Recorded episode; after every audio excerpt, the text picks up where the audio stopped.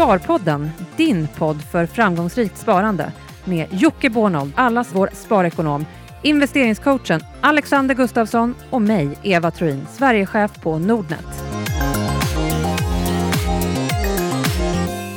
Tjabba allihopa! Sparpodden 204 Yes. med eh, Jocke Bornold, sparekonom på Nordnet. Ännu ett tag. Ja. Och Alex är tillbaka! Ja, Kul! jag eh, överlevde. Ja, berätta, hur var det? Eh, jag, jag har ju då i kontext, jag har ju varit ute i skogen ett tag. Jag har varit inryckt på militärövning. Eh, den här stora svenska Aurora-övningen. Just det.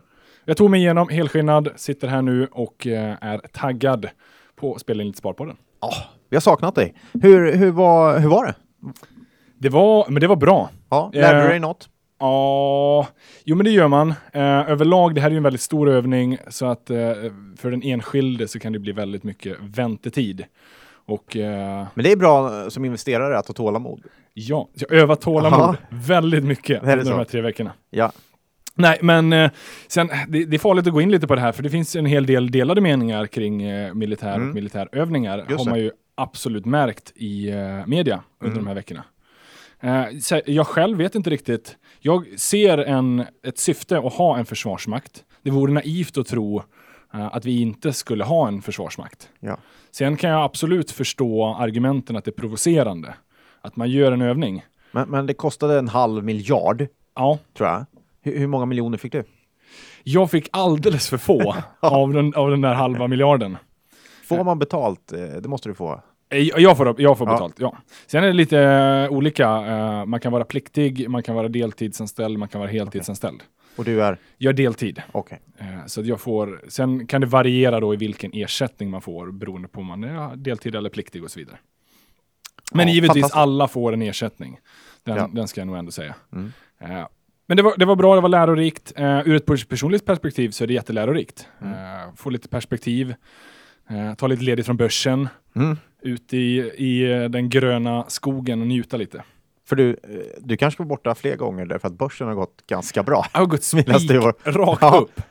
Verkligen. Hur, hur, det här är ju typ inte ens möjligt. Nu, är vi ju uppe på så här typ 12 dagar i konstant uppgång. Just det. 11-12 dagar. Ja. Det är ju eh, helt orimligt känns det som. Men uh, Ja, nu det är inte... nog något slags, nej inte rekord kanske, men det var länge sedan vi hade en sån lång uppgångsfas. Ja. Men eh, det är ju inte så att det går upp jättemycket varje Nej, dag. det var det jag skulle säga. Det är inte 2% upp varje dag. Nej. Då hade det varit orimligt. Men det tyder ju ändå på att marknaden eh, känner sig rätt bekväm med att vi kommer ha eh, rapportperiod. Ganska snart. Ja, eller har det varit bara brist på negativa nyheter? Ja, fast har det det? Jag vet inte om det var brist på det. Eh, men det var, var ju lite deppigt efter sommaren eh, och Q2-rapporterna. Men eh, det har ju tagit fart igen. Ja. Eh, så vi får se vart det tar vägen. Eh, Det sätter ju höga förväntningar på Q3 det gör det ju. Det gör det. om något. Och då kan det komma besvikelser förstås. Men det har börjat trilla in några få. Vi hade Mm. H&M förra veckan. Just det, det, Som det är riktigt. Ja, som sölade till. Sen är det några den här veckan, men det börjar ju framförallt slutet oktober. Där har vi Yes. ju eh, The Major. ska. Jajamän. Är det något speciellt bolag som du kikar extra på inför, eller extra intresserad av? Ah, Jag har ju mina investmentbolag, de ska Mm. man hålla lite koll på. Eh, men annars så vill man väl överlag kika, jag tänker mig råvarubolagen har ju gått väldigt starkt än så Ja. länge. De vill jag hålla lite koll på. Mm. Framförallt Boliden har gått bra, eh, SSAB har gått bra. Eh, kommer det där hålla i sig? Just det. Det sätter väl någon form av eh, signalvärde för marknaden. Mm. Är det bara... Är det någon eh, efterfrågan på råvaror eller bara så att eh, dollarkursen har sjunkit så mycket så att det får Det är ju, råvarorna gå upp? Det ja, är det är ju dels, stora frågan kanske. dels det senare. Och det är ju Mm. lite intressant då om vi får en ny Fed-chef eh, Mm. som ska vara lite mer hökig. Kanske minska stimulanter, sti stimulationerna och eh, höja räntorna. Det kan ju få en stigande dollar. Och eh, då får vi se om det där håller i sig. Och Det har vi pratat lite om i podden förut tror jag. The great unwinding. Ja. Att eh, eh, både Fed, ECB och eh, åh, vad heter det nu i London? Eh, Bank of England Ja. heter det. Jag var faktiskt eh, BOE. faktiskt där förra veckan eh, och hängde lite. Jag var i London några dagar nämligen. Och det var rätt intressant. Men det som är intressant är ju när eh, centralbankerna slutar köpa obligationer. Ja. Vem, vem ska då köpa dem? Nej, Det är ingen som vet. det återstår att se. Till slut, någonstans finns det ett pris för allt, men Det är lätt att man målar upp lite för negativa scenarier nu. Eh, men, men absolut. Eh, det, är, det är miljarder på miljarder som, Ja. eh, som eh, ska dras tillbaka. så är det. Och eh, det kommer väl få, få liksom konsekvenser. Men eh, det är svårt att svara på vad det kommer innebära. Otroligt svårt att svara på. Eh, hur hett kommer svenska statsobligationer vara till exempel? Eh, kollade upp på Statsgälden så har utlandsägandet i svenska statsobligationer halverats på tre år. Eh, så de... Eh, Lågt förtroende för lågt kronan. förtroende för kronan eh, och för Riksbanken. Så att eh, det är lite problem. Ja. Skönt då att vi får en riksbankschef som sitter fem år till. Ja, absolut. Varför, varför förstöra den här success storyn?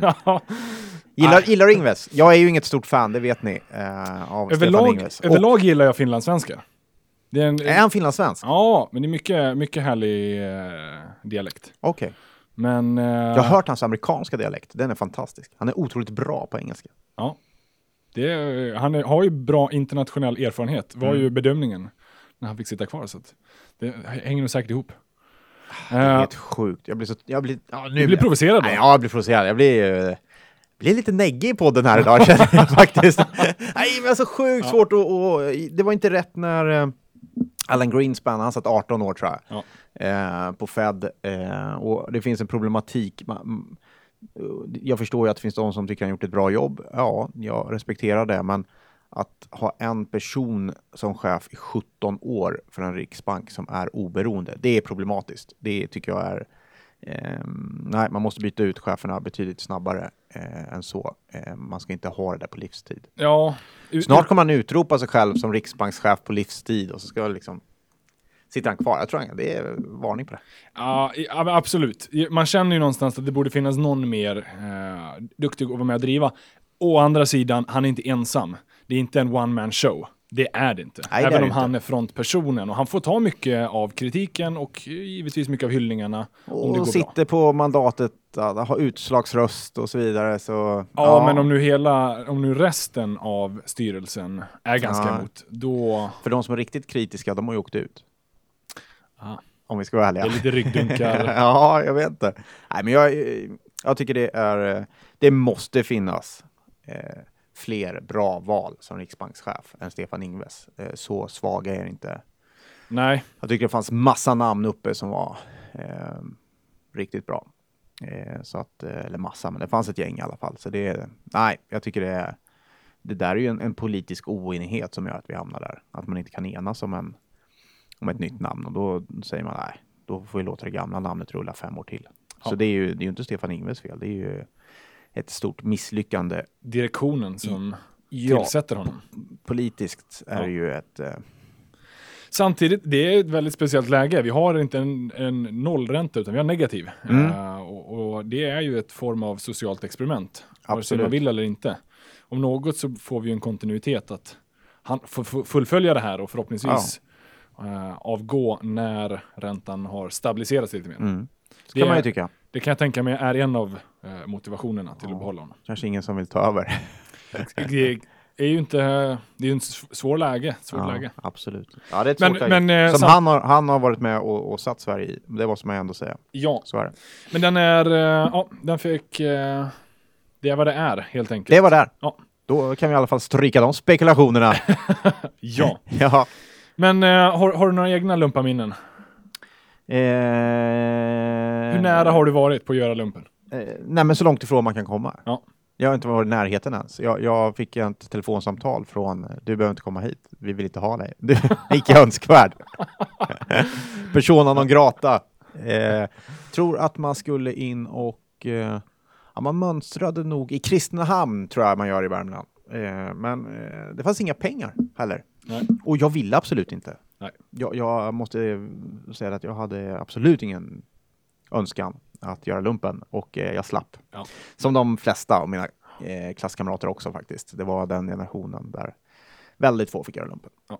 Eh, Så jag har inga lumpaminnen, eh, men jag kanske hade behövt gå och göra lumpen. det kanske hade varit bra för mig. Jag Styra upp det lite. Ja, faktiskt. Inte helt orimligt. Nej. Eh, men du då?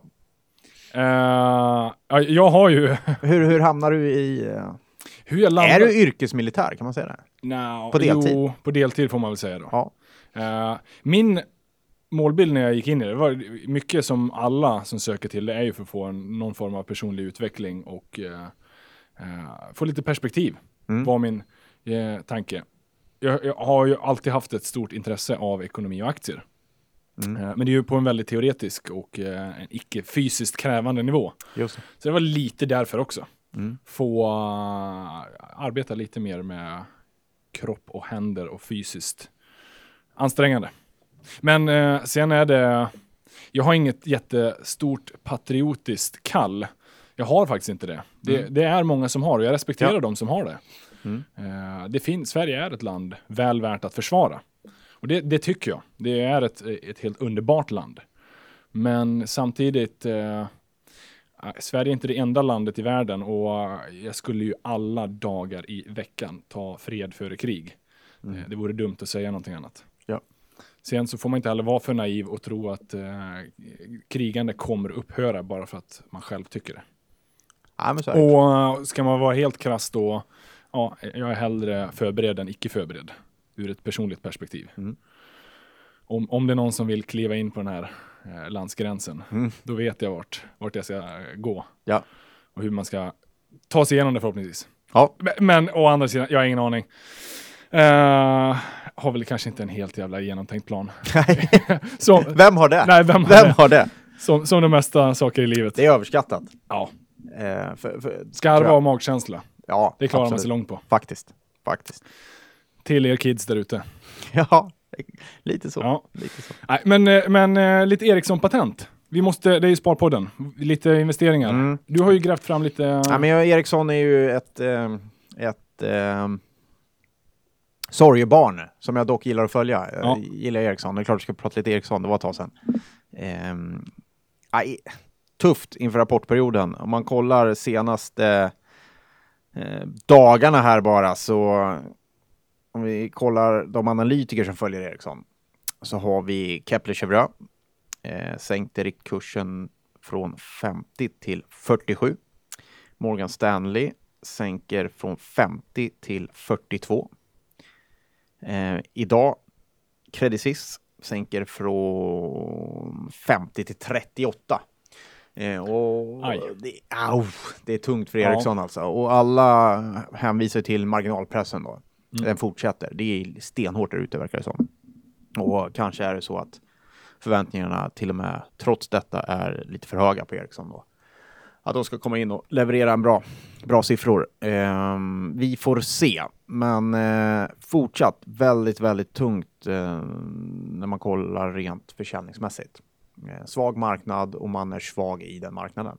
Eh, och det är ju Ja. jobbigt förstås. Eh, sen har de mycket på gång med eh, 5G och allt vad det är, men vi får se om det men har det de hinner. inte en eh, ganska stor portfölj med patent? Jo, absolut. Och det är en stor del av ehm, patenten är 42 000 patent. Det är en av de största i världen tror jag, Ja. patentportföljer. Eh, och den är ju en stor del av värderingen i Ericsson. Är ju den här patentportföljen. Eh, och den byggs ständigt på. Det är nog få i... Det är nog ingen, inget bolag i Sverige och det är få i Europa som eh, får så mycket patent per år som Ericsson. Ja. Det är en patentmaskin. Eh, och det är häftigt. Men den här, en stor del av de här patenten eh, används ju av andra eh, bolag. Som till exempel Apple Mm. i iPhone. Så använder de säkert ett gäng eh, Ericsson-patent. Och då betalar ju de Ericsson licenspengar för det här. Mm. Det är ju Fair. fair liksom. Men problemet är, och, och den är, eh, eh, det, hur mycket ska man betala? Och hur ska man räkna ut vad det ska kosta? Och det här är faktiskt, un- blåser upp nu och EU börjar ta tag i det här och kommer innan året är slut eh, ge ut guidelines på patentroyalties. Hur du ska betala, hur du ska ta betalt. Ja. Därför att alla de här som är eh, typiska producenter då, eller man ska kalla dem som Apple då till exempel. De, eh, eh, ja, de vill ju få ner de här kostnaderna såklart. Mm. Och EU håller på att titta på det. De kommer inte lagstifta i det här läget, men de kommer ge riktlinjer. Och det kan väl vara så att det är klokt att följa de riktlinjerna. Så det här är en ganska stor sak. Men vadå, s- kommer det vara några sanktioner om man inte håller sig till dem? Eh, risken är ju att det blir eh, lagstadgat Ja. då, att man går vidare då. Ja, det. Eh, så de, det här läggs väldigt mycket kraft på. Ja. Eh, och eh, Jag vet inte vad jag ska tycka om det här ständiga reglerandet nej. på framförallt EU-nivå. Mm.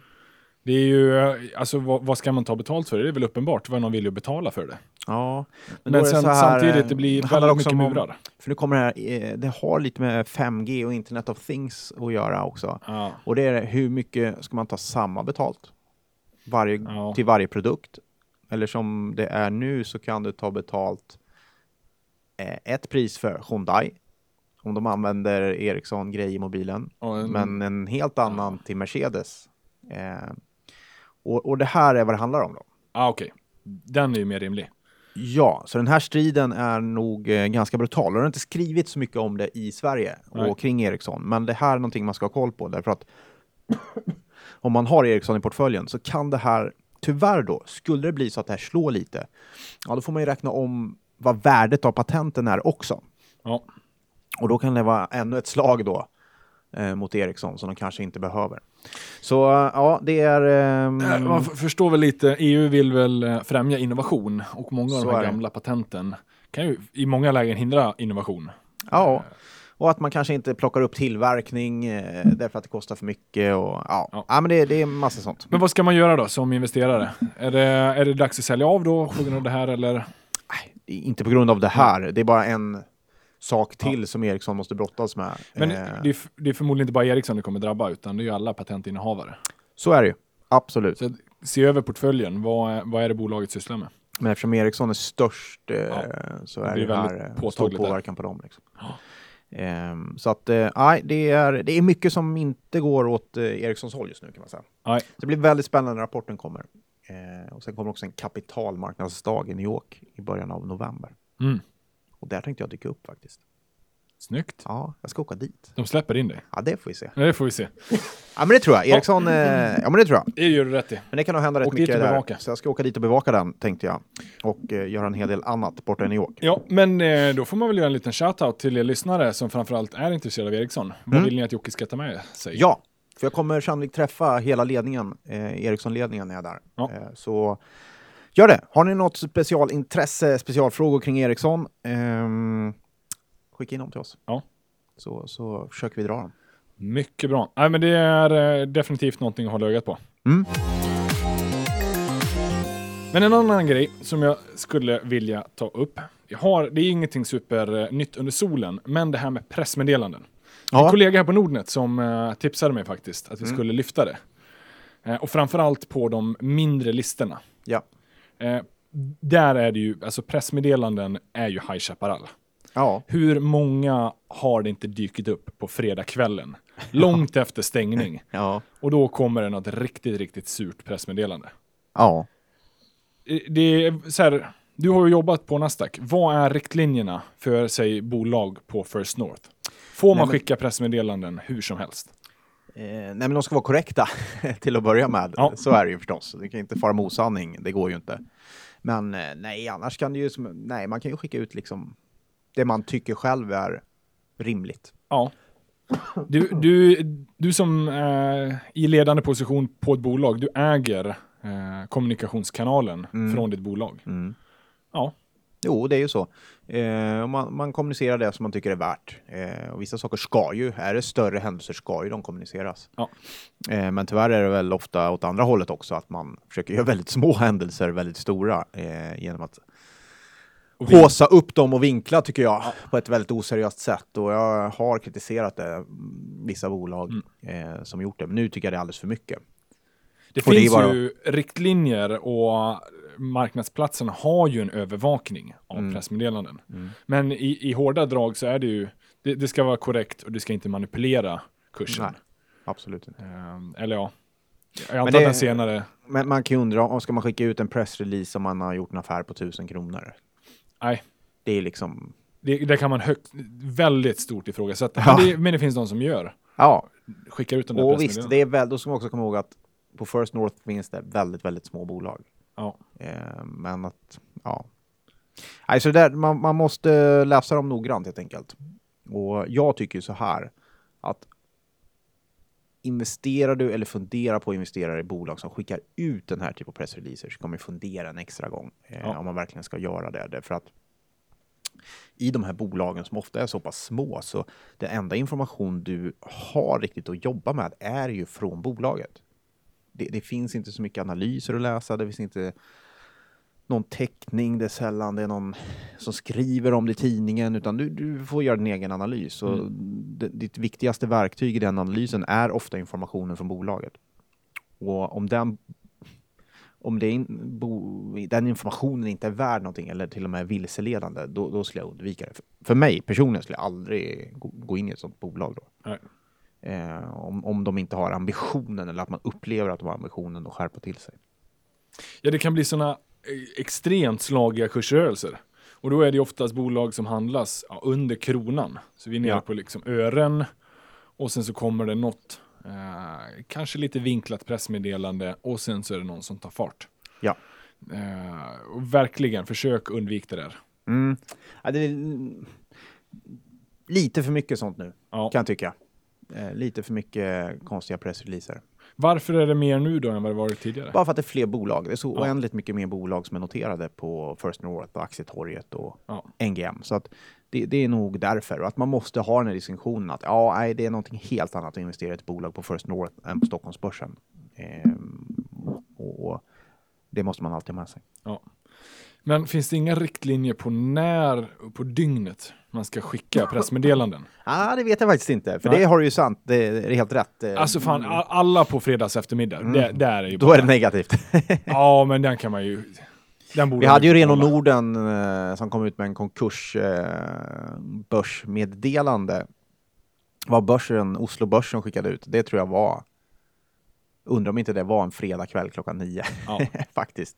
Eh, så det är ju, det var på kvällen i alla fall, det var klockan nio jag tror det var en fredag också. Så Ja. det är så här klassiskt. Det är så här, jag fattar ju varför de gör det. Mm. Då är det ja, många journalister har gått hem, Ja, det är liksom överlag lugnt på marknaderna. det, det är ett bra sätt att, att s- försöka smyga ut det. Ja, Men det blir ju inte snyggt. nej, det blir inte snyggt. Eh, men inte helt ovanligt. Och det är så, ju mindre bolag desto oftare dyker det här upp eh, längre ner i listorna så att säga. Men vad är din känsla generellt kring att skicka under handelstid versus efter när börsen är stängd? Ja, det är väl bra att informationen kommer ut så snabbt som möjligt. Är min. Ja. Det, det finns liksom inget att spara på Nej, om man nu väl har informationen. Men tyvärr så kan det ju tendera att läcka ju längre tid man väntar att hålla på så är det ju.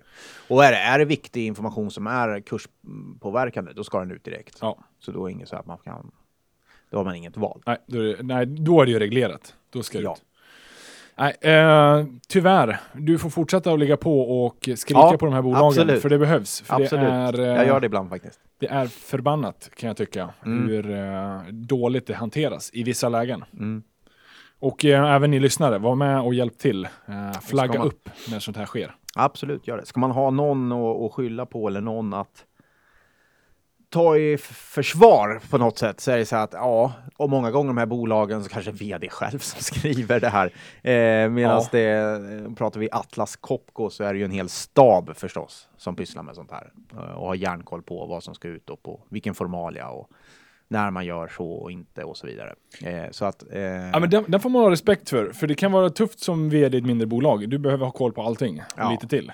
Eh, Och- men, och- det- men det finns vissa lägen där sunt förnuft.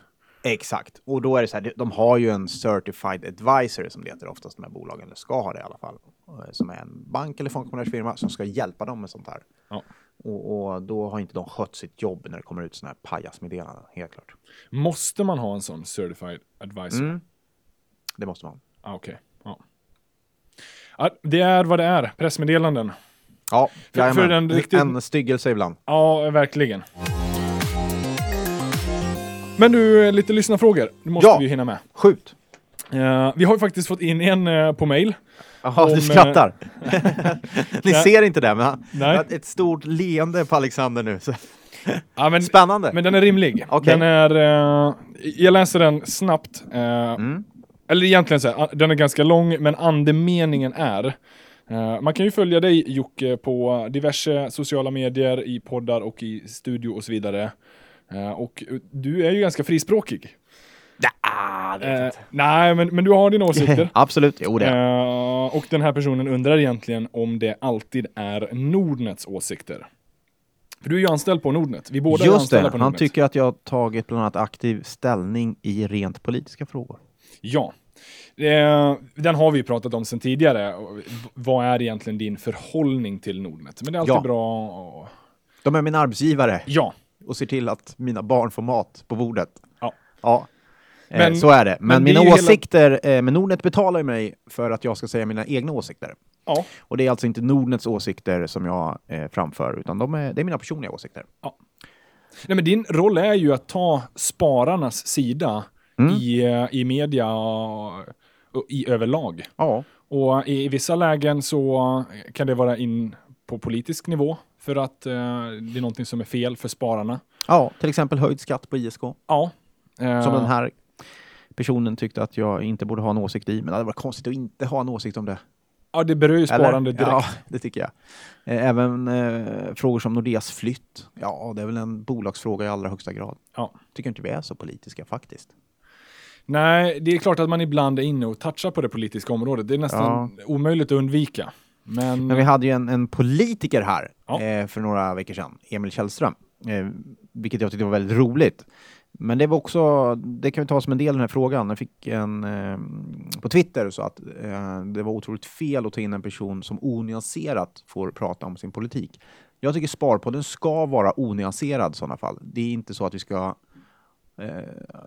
det är, här ska man ju få komma till tals. ja, ja, han kan ju inte stå och lobba för vänsterns. Nej, Idéer. då, då, då skulle vi tagit in någon från vänstern också. Ja. Men då, Och det skulle då, vi jättegärna vilja, men i vissa lägen så ställs det inte upp och så vidare. Nej, så är det. Men och samtidigt tycker jag att det är väl härligt om folk får tala till punkt.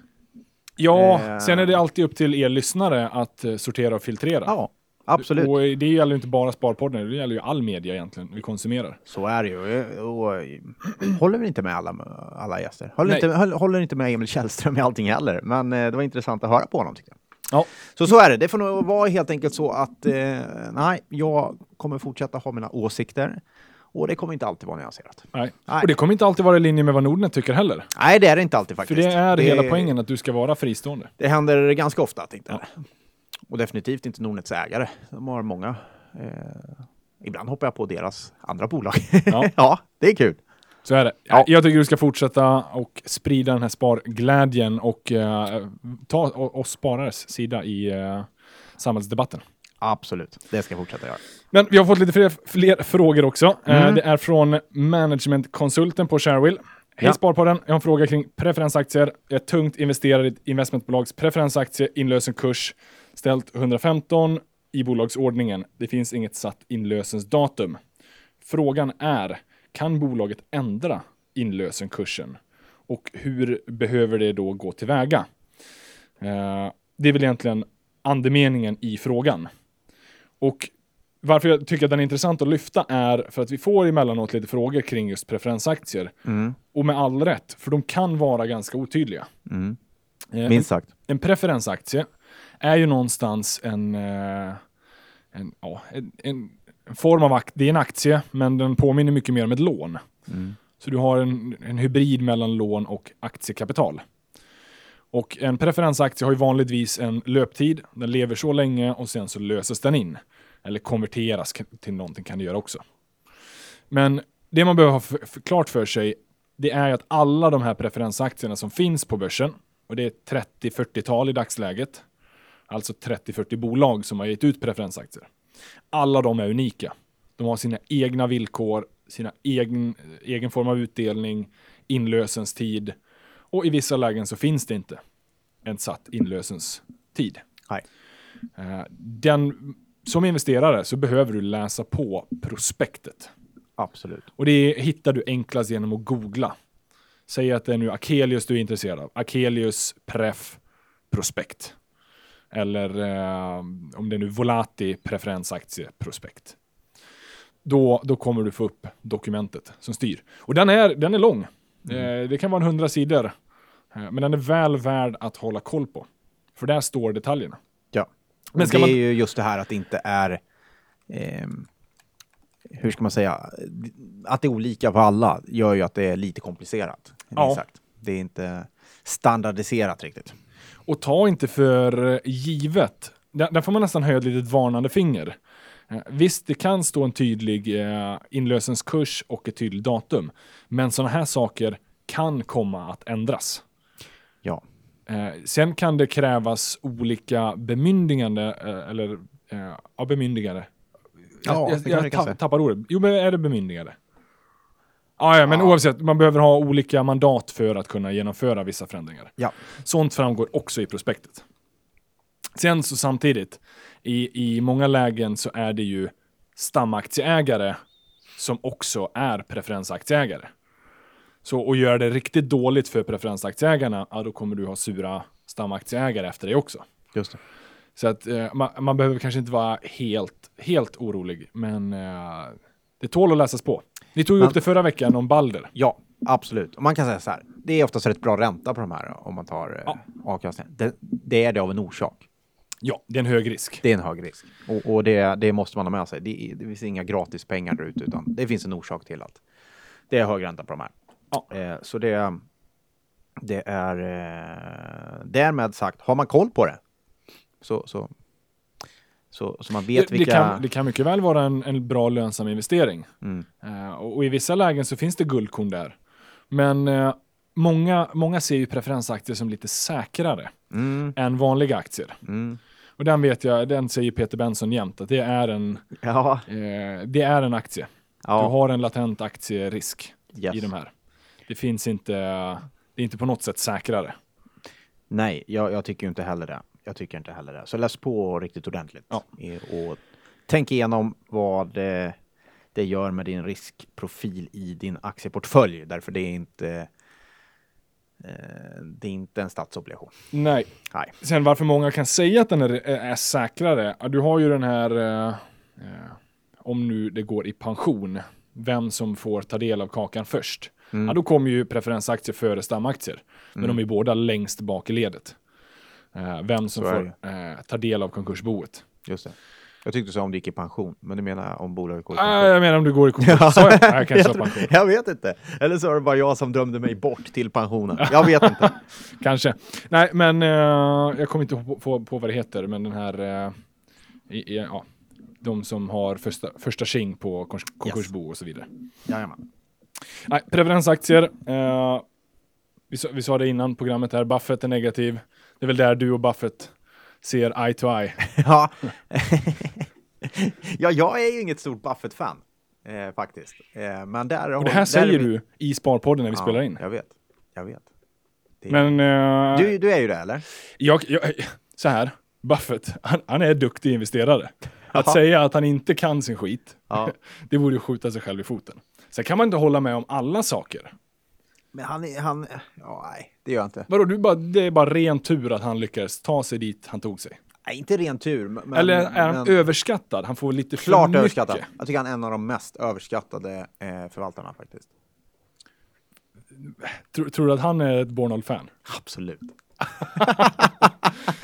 Nej, men han är inte dålig. Men, men man måste också förstå att han kom in i en tid där hans strategi från början var extremt lyckosam.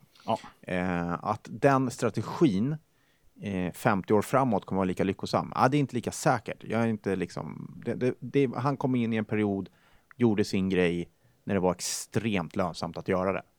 Så kan jag säga. Och eh, det är tur. Du kan kalla det vad du vill, men det är tur. Det Ja. kommer alltid finnas någon som man med. kan se tillbaka som har... Det, det är lätt att se tillbaka och säga oj vad skicklig han var. Ja, det Absolut. kanske fanns 5000 Buffett och han gjorde exakt rätt.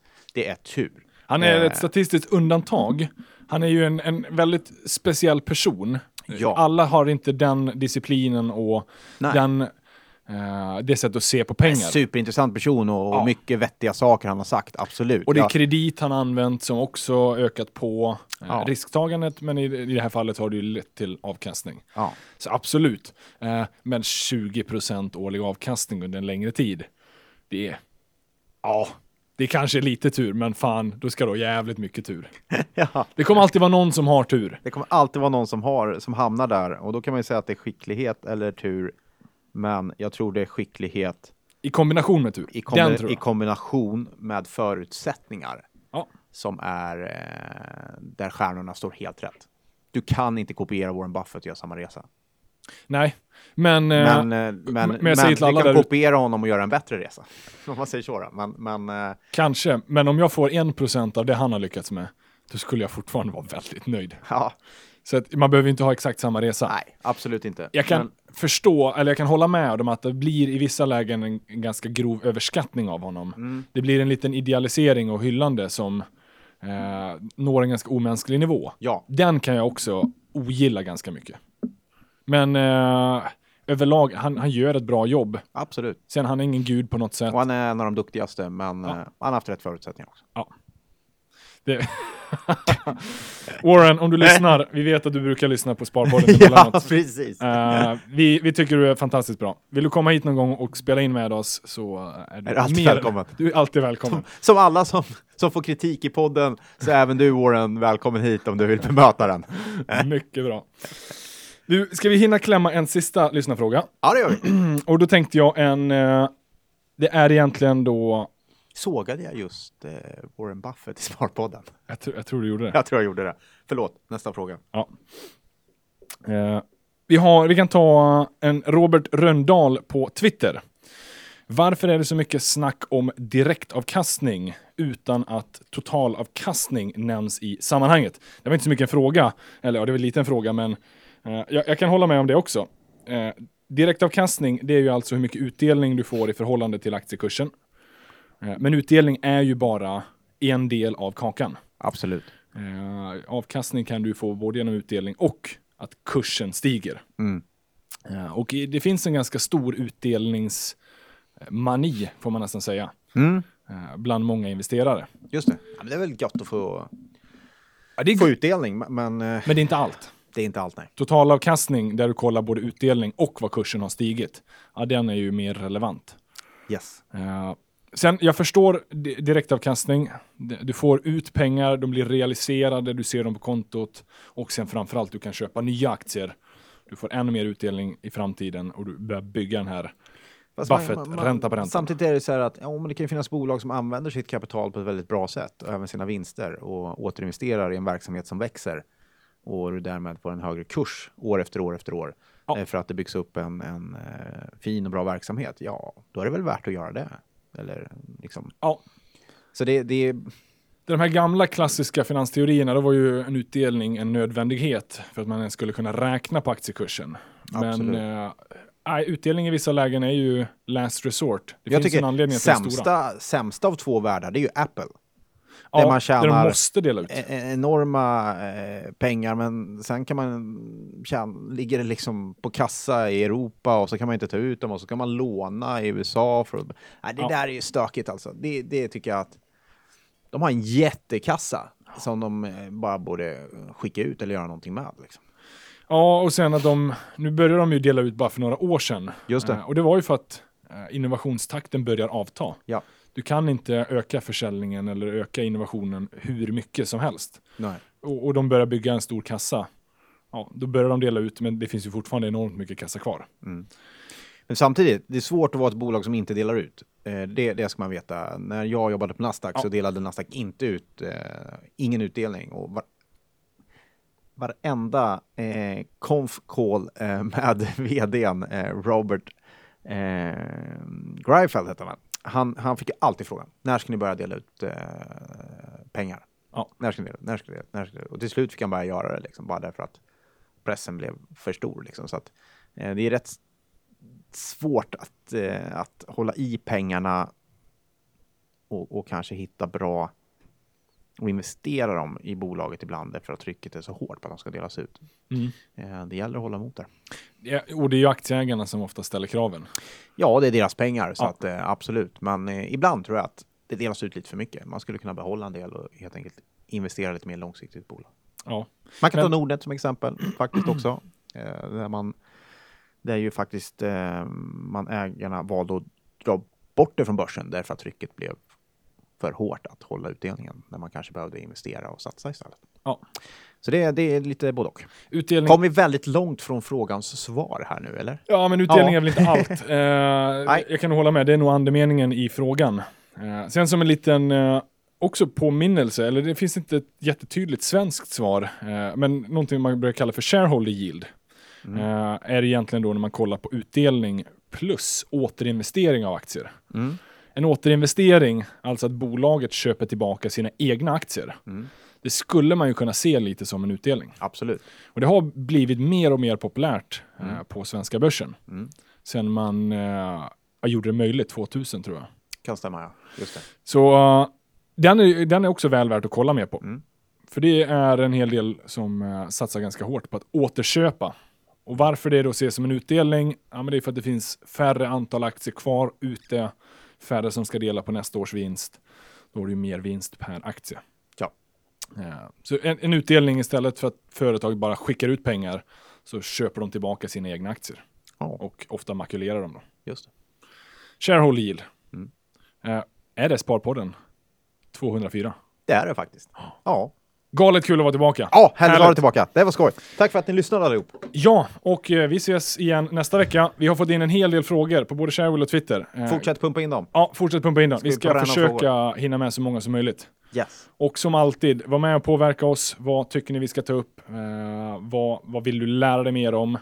Och så vidare. Så eh, ser vi till att det landar i Sparpodden. Ja, och jag och Benson har spelat in en ny aktiesnack med Börsplus. Snyggt. Kommer på YouTube och nordetbloggen.se och eh, i en dator nära dig. Ja, Ja, i internet nära dig. ja. Ha det fantastiskt, kära lyssnare, så ses vi igen. gör vi. Ha det gott.